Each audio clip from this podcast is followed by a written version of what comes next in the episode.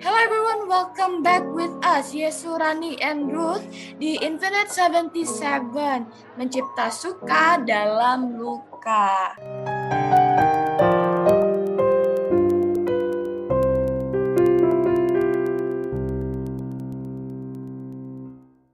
Oke, pada episode sebelumnya nih, kita kan sudah membahas tentang anxiety dan insecurity.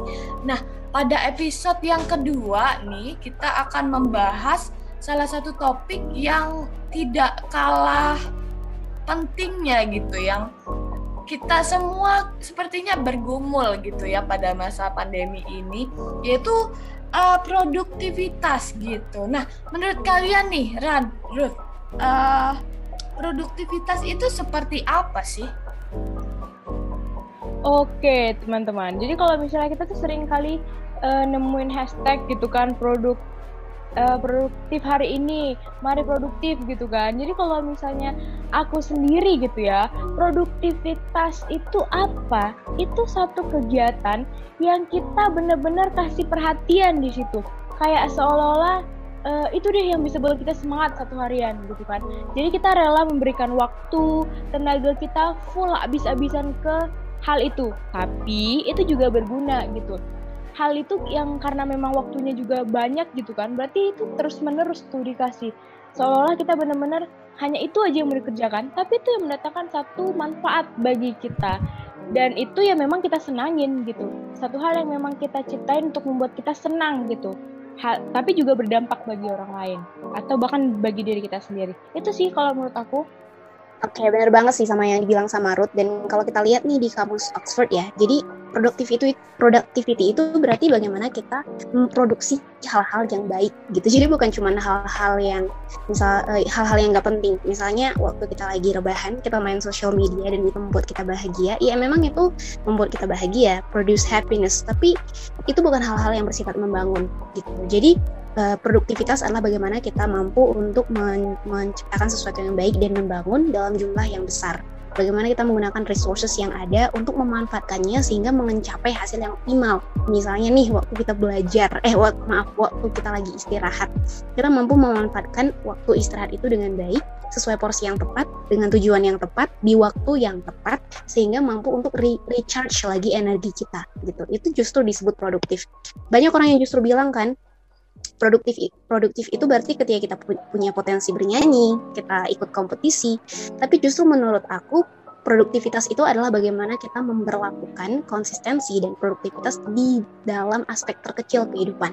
Misalnya nih waktu kita habis belajar, kita rapiin meja.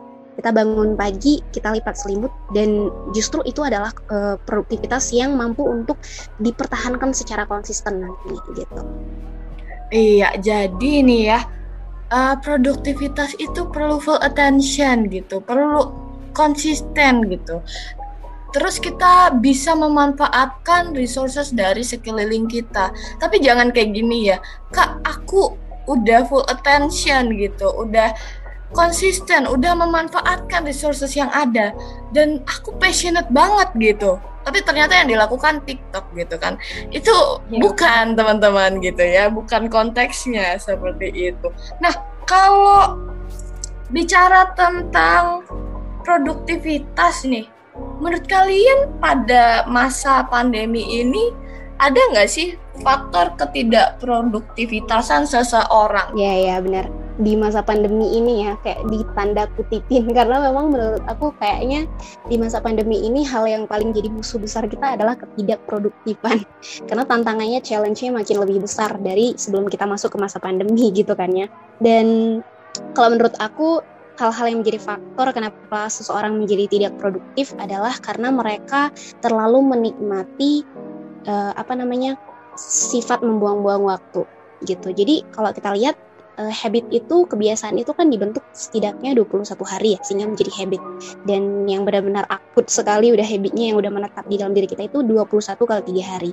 Dan ketika kita udah melakukan kebiasaan tidak produktif itu selama berhari-hari di masa pandemi yang bahkan udah lebih dari satu tahun ini itu becomes our habit gitu. Itu menjadi habit kita. Suka membuang-buang waktu suka buka sosial media di waktu jam kerja, kerja yang tidak tepat dan justru membuat kita semakin stres. Kita merasa apa pun yang kita lakukan itu sia-sia. Bahkan ketika kita mencuci piring dan melihat selimut, kita merasa semua yang kita lakukan sia-sia. Kenapa? Karena semuanya menjadi membosankan gitu. Jadi uh, itu adalah faktor yang sangat besar yang membuat seseorang menjadi tidak produktif di masa pandemi ini gitu. Hmm, Oke. Okay. Iya. Gimana, Rus? Nah, kalau misalnya aku juga uh, kenapa bisa nggak produktif gitu kan ya? Karena ya tadi balik ke definisinya aku gitu kan. Kita nggak di situ hatinya gitu. Kita nggak di situ tenaga serta pikirannya tuh nggak di situ. Jadi kayak ya udahlah karena terpaksa gitu kan. Dan ya udah jadi kayak aturannya waktunya satu jam gitu kan. Jadi kayak sambil apalah, sambil inilah, sambil itulah karena nggak di situ hatinya.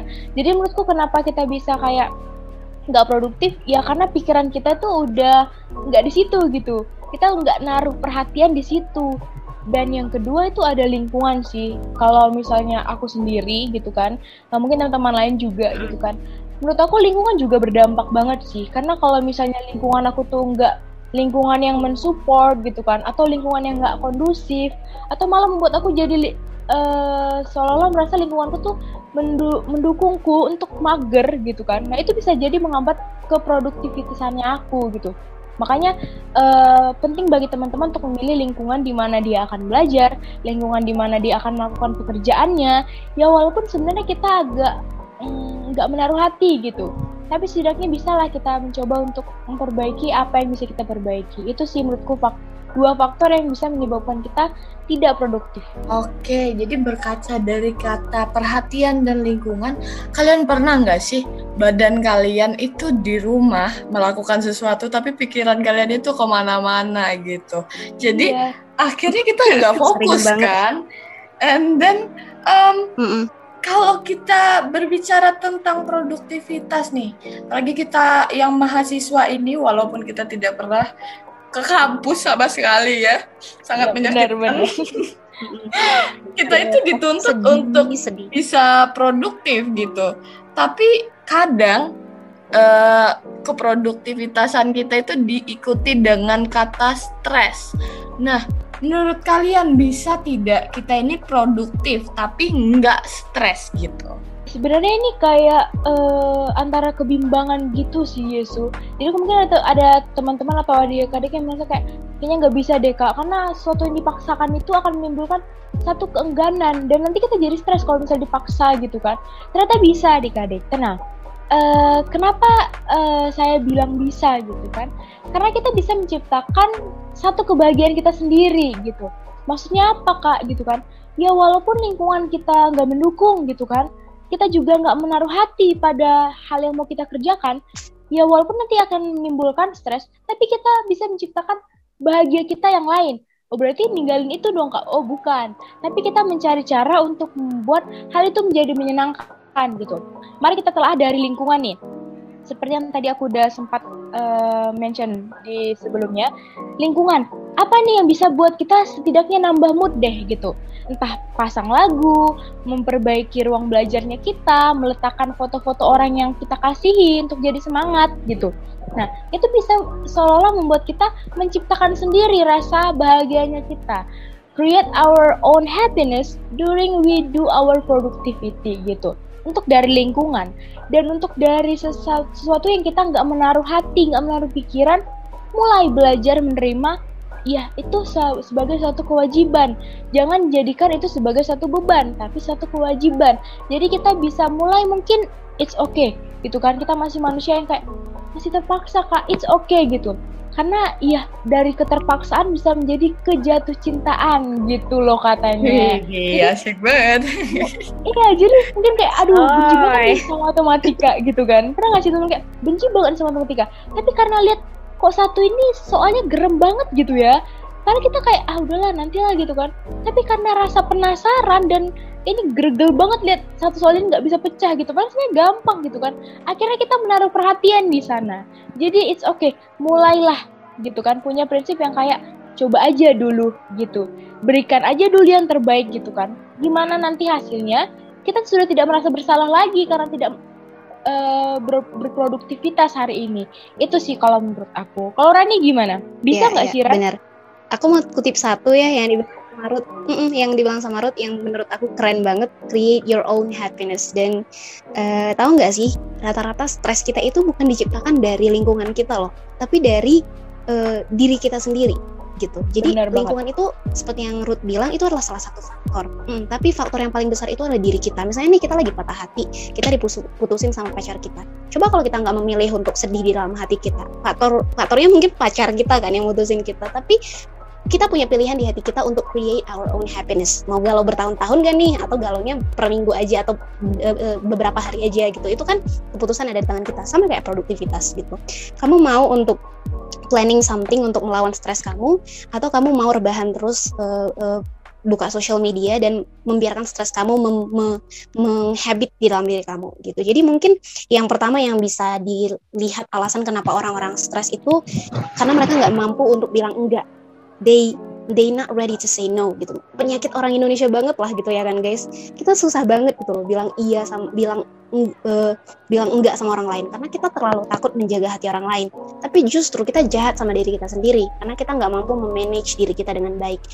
Justru ketika kita bilang enggak terhadap sesuatu percayalah kita bilang iya ke hal yang lain yang harus kita lakukan segera gitu. Terus yang per, yang kedua don't multitask. Jangan multitasking kebanyakan orang multitasking kadang-kadang karena buru-buru yang kedua karena suka nunda-nunda dan tahu nggak sih waktu kita multitasking itu sebenarnya kita nggak pernah melakukan dua atau tiga hal dalam satu waktu. Kita cuma switch fokus kita dari yang satu ke hal yang lain. Dan itu justru membuat kita semakin stres dan nggak maksimal dalam melakukan segala sesuatu. Dan ketika kita nggak maksimal, justru itu bikin kita jadi nggak nggak suka dengan apa yang kita lakukan. Kayak yang Ruth bilang kita nggak happy melakukan apa yang kita kerjakan. Jadi justru itu buat kita makin stres lagi. Terus yang kedua kita nggak punya planning. Kita nggak punya list yang harus kita kerjakan. Kita nggak punya priority gitu. Jadi kayak yang Ruth bilang mungkin di uh, waktu tertepat untuk merencanakan jadwal itu adalah di malam hari sebelum besok. Jadi kita punya list apa-apa aja yang, yang harus kita lakukan untuk besok dan yakinlah aku udah ber, aku udah punya pengalaman hal itu, tentang hal itu guys itu benar-benar membantu untuk mengatasi stres kamu gitu. Oke, jadi kalau berbicara tentang hal ini ya, perspektif kita itu sangat penting untuk mempengaruhi keproduktivitasan kita gitu. Untuk create our vibes gitu, untuk memulai gitu. Terus jangan multitasking, jangan hmm. buru-buru, jangan menunda-nunda dan juga ingat planning itu sangat penting. Kalau dari aku nih ya, kalau karena tadi aku bilang perspektif, uh, kalau aku sendiri untuk jadi produktif itu adalah jalan keluar agar aku tidak stres menurut aku ya karena kadang kalau misalnya aku membuang banyak waktu di HP membuang banyak waktu di Instagram ada banyak pemikiran yang datang ke otak aku gitu uh, jadi kayak malah create uh, stresnya gitu. Tapi kalau pas aku ngelakuin sesuatu gitu uh, pemikiran kita itu hilang karena kita itu fokus kepada apa yang kita kerjakan seperti itu.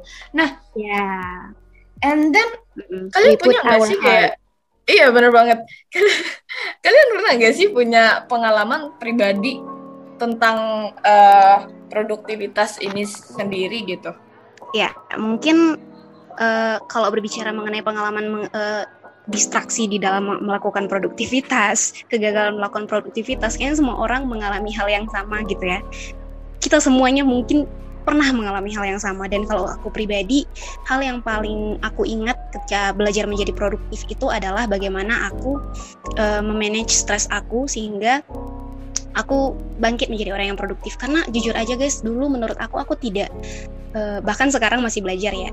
Benar-benar dihadang dengan stres untuk menjadi orang yang produktif gitu. Dan salah satu hal yang membuat aku sadar itu adalah uh, kamu perlu waktu istirahat gitu. Untuk menjadi produktif itu ternyata break time itu benar-benar perlu sekali. Dan dulu aku benar-benar nggak suka dengan yang namanya break time. Aku kira itu buang-buang waktu. Dan aku suka belajar dari pagi gitu kan sampai malam nggak ada rehat sama sekali. Dan ternyata itu justru membuat aku mudah stres. Aku nggak produktif melakukan sesuatu. Aku hanya melakukan sesuatu satu hal dalam satu hari sepanjang hari yaitu belajar. Tapi sisanya kayak aku nggak punya semangat untuk nyuci piring, nyuci baju, dan aku mau jujur aja karena mungkin banyak yang dari kita mengalami hal yang sama. Dan ternyata masalahnya adalah kamu perlu waktu break untuk menjadi orang yang produktif. Kalau kamu perlu jalan-jalan, jalan-jalan dulu. Kamu kalau kamu perlu tidur, tidur dulu. Kamu kalau kamu perlu uh, berhenti sebentar untuk sekedar melamun dan membiarkan waktu uh, diri kamu istirahat, itu juga perlu. Dan yakinlah break time itu kasih kamu semangat yang baru untuk sekedar nyuci piring, nyuci baju, dan kemudian belajar lagi. Dan mungkin itu adalah salah satu pengalaman yang benar-benar valuable sih menurut aku. Oke, wah, Rani ini sepertinya sedikit berbeda gitu ya. Kalau orang itu nggak suka belajar, Rani sepanjang hari belajar. Wah, super super wow gitu ya. Kalau Ruth gimana nih? Kayaknya menarik juga Ini kayak nih. pencitraan jadinya. Enggak, itu itu perlu dicontoh ya teman-teman. Ambil yeah. yang baiknya gitu kan. Tapi yeah, jangan lupa tips-tips yang sudah diberikan. Nah, oke, okay. mungkin kalau misalnya yang dari tadi udah menyimak gitu kan bagaimana seorang harus memberikan tanggapan mengenai produktif gitu. Nah, ini sekarang mari mendekat karena seseorang yang akan berbicara nantinya ini ya seorang yang memiliki kekurangan teman-teman. Jadi jangan merasa kayak wah kayaknya Karut ini pandai banget gitu kan produktivitas. Yeah. oh, tentu tidak gitu. Tentu tidak gitu loh. Karena ya secara aku pribadi gitu kan secara manusiawi kadang-kala masih banyak juga gitu hari-hariku yang dilewati dengan tidak produktif gitu. Padahal gitu kan ya aku menjalankan yang aku pengen lakuin gitu kan. Aku buat to-do list gitu kan aku juga buat beberapa agenda yang menurut aku penting gitu kan. Tapi kenapa bisa mager lagi? Gitu kan. Nah. Uh, enggak jarang juga di setiap malam tuh aku merasa kayak loh percuma dong agenda yang udah aku buat gitu kan. Ya karena memang teman-teman perlu dipahami gitu kan. Rasa mager itu nggak bisa kita hindari gitu. Ada kalanya memang tubuh kita memerlukan istirahat seperti yang Rani bilang kita mungkin sudah menjalankan agenda kita benar-benar uh, satu minggu full gitu kan. Dan tiba-tiba tubuh kita ini tuh seperti kayak tunggu deh bentar lagi boleh nggak? Kan udah satu minggu nih ngejalanin produktif harinya yang bagus gitu kan. Dan saat itu respon kita iya respon yang fleksibel gitu menurut aku. Karena memang aku juga begitu kan selama tujuh hari udah menjalankan agenda ada di mana hari setelah itu jadi sedikit mager gitu. Kok kayaknya bentar deh bentar. Istilahnya memberikan uh, reward ke diri sendiri gitu loh teman-teman. Tapi jangan berikan reward yang jadinya membuat kita terlena gitu.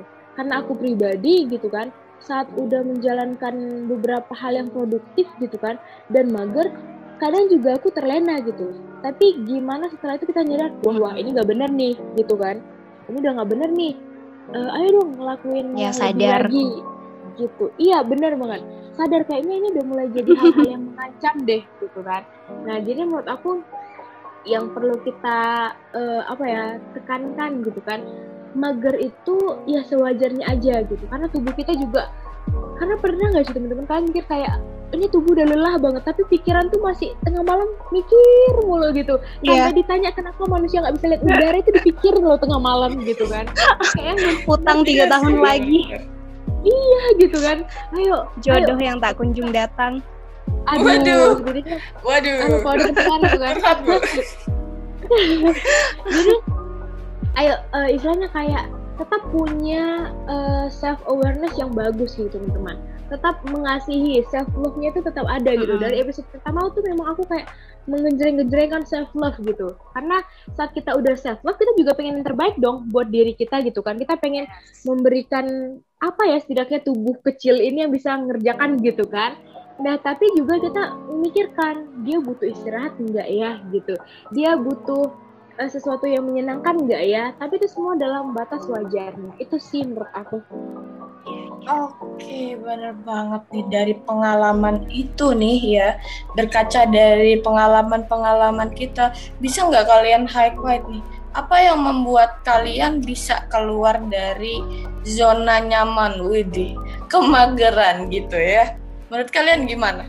Nah, kalau mungkin dari aku dulu deh ya, ini kalau misalnya aku solusi aku tuh kayak uh, sebenarnya lebih kayak rangkuman sih dari awal. Karena memang aku tadi setelah kita melihat-lihat percakapan kita gitu kan ada aja terselip tips-tips gitu loh. Jadi kayak yeah, selagi kita membicarakan yeah. apa itu produktif gitu kan penyebabnya kita pasti aja ada menyelipkan satu tips gitu. Dan aku pengen istilahnya kayak ngerangkum aja sih jadi kayak manusia-manusia idealis ya. Iya bener kali. Jadi walaupun ringan gitu kan tapi tetap aja sesuatu yang bermakna gitu. Asik sekali. Gitu. Jadi kalau aku tipsnya tuh lebih ke gini sih kalau misalnya kalian bangun pagi gitu kan putuskan untuk melakukan langsung hal yang pengen dilakuin gitu. Jangan langsung megang HP kalau misalnya itu nggak penting gitu kan seperti yang tadi. Terus kayak buat satu hal di pagi hari itu konsisten gitu. Entah itu bangun tidur langsung merapikan seperti kata Rani sebelumnya gitu kan. Rani ini memang kayak aduh kalau misalnya udah lingkungan kayaknya wajib gitu Rani turun tangan gitu kan. Aduh Jadi aduh. kalau misalnya kalau misalnya itu udah bangun gitu kan. Kalau udah misalnya bangun gitu kan. Rapikan tempat tidur dulu kayak istilahnya gitu. Atau minum pak minum air gitu. Karena minum air di pagi hari itu benar-benar membantu kita untuk fokus teman-teman. Mungkin dari sepanjang malam kita hmm. yang mengalami dehidrasi gitu kan. Jadi paginya kita kayak aduh mager nih gitu kan nggak fokus mau ngapain hari ini tapi mulailah dari minum air dulu di pagi hari itu bisa kita buat konsisten dan akhirnya start gitu ambil buku agenda yang udah kita siapin malamnya untuk to do list gitu langsung dikerjakan perlahan perlahan perlahan dan di malamnya lakukan evaluasi. Itu sih tips dari aku. Reni ada nggak Reni? Yes. Ya asik ya kalau Burut ini yang ngomong aku kayak oh gitu. Nah e, mungkin yang aku mau bilang itu udah kelis juga sama yang dibilang sama Ruth dan kayak misalnya belajar untuk bilang enggak dan untuk buat to-do list sehari sebelum besok dan kemudian yang yang yang paling penting itu adalah mengesampingkan distraksi. Jadi waktu kita kerja coba catat deh distraksi-distraksi yang mungkin mengganggu pikiran kita. Misalnya nih, aku tadi punya utang nih sama Yesus, iya aku belum bayar gitu. Jangan sekarang dibayarnya, jangan lagi kerja, dicatat aja dulu gitu. Nanti pas istirahat um, baru kamu pay attention ke hal yang mendistraksi kamu tadi. Jangan pay attention waktu kamu lagi kerja gitu. Terus yang kedua, uh, eh yang kedua, yang keempat guys, aku baru uh, aware sama yang ini dan aku baru tahu ini, ini tadi dan menurut aku ini adalah suatu hal yang sangat penting untuk kita ketahui. Jangan terlalu banyak berantem dan berdebat dengan pikiran kamu sendiri ketika kamu mengambil suatu tindakan. Misalnya nih, waktu kita mau kalau aku pernah dengar dia bilang gini, kalau kamu pengen beli buku, beli aja sekarang. Jangan berdebat di pikiran kamu menghabiskan waktu 5 menit untuk berdebat gitu. Ya kalau kamu bingung milih dua buku beli aja duanya baca aja sekalian gitu katanya. Dan itu mempengaruhi waktu kamu bangun pagi kamu mikir baca buku dulu atau main HP ya? Aku sering berantem gitu loh di pikiranku dan aku membuang waktu 5 menit untuk hal itu. Dan itu membuat kita tidak bisa memutuskan sesuatu dengan baik. Kita menjadi sering berdebat dengan pikiran kita sendiri. Dan yakinlah kebiasaan kecil itu nantinya akan sangat besar mempengaruhi kita apalagi di dunia bisnis. Uh, uh, ngutang nggak ya bentar uh, 50 juta untuk memulai bisnis atau jangan? Jadi jadinya kita jadi orang yang sulit mengambil keputusan menjadi orang yang produktif menjadi sangat sulit kalau orang-orang sering suka berdebat di kepala mereka. Jadi jangan suka berdebat di kepala kamu kalau lagi mengambil keputusan. Ya kalau bangun pagi, kalau mau baca buku, langsung aja baca buku, tinggalin HP-nya. Jangan berdebat, habiskan waktu 5 detik hanya untuk berdebat di kepala kamu. Dan yakinlah itu sangat penting untuk mempersiapkan diri kamu jadi manusia yang produktif gitu. Oke, jadi udah banyak banget eh, tips-tips uh, yang sudah diberikan gitu ya. Dan kita kayaknya udah sampai di ujung pembicaraan nih. Sepertinya aku mau highlight sedikit nih tentang pembicaraan kita kali ini. Yang pertama, jangan takut untuk memulai gitu. Karena uh, kalau tidak memulai kapan ini akan selesainya gitu ya. And then jangan takut untuk mengatakan tidak kepada distraksi kita. Penting juga itu untuk membuat to-do list dan satu lagi nih terakhir. Satu kalimat yang aku suka dari episode ini yaitu berdamai dengan diri sendiri. Waduh, sangat menyentuh, sangat adem gitu ya. Heads off. Oke, okay, jadi um, thank you so much for listening to this podcast. Kami harap episode kali ini itu yeah. menjawab permasalahan kita tentang thank produktivitas you, gitu. Iya. Jadi jika ada jika teman-teman ada saran atau masukan kalian bisa tulis di form yang kami sediakan pada link yang tertera. Once again, thank you so much for watching. We are Infinite 77. We'll see you soon. Bye. Bye guys. Bye. Thank you so much.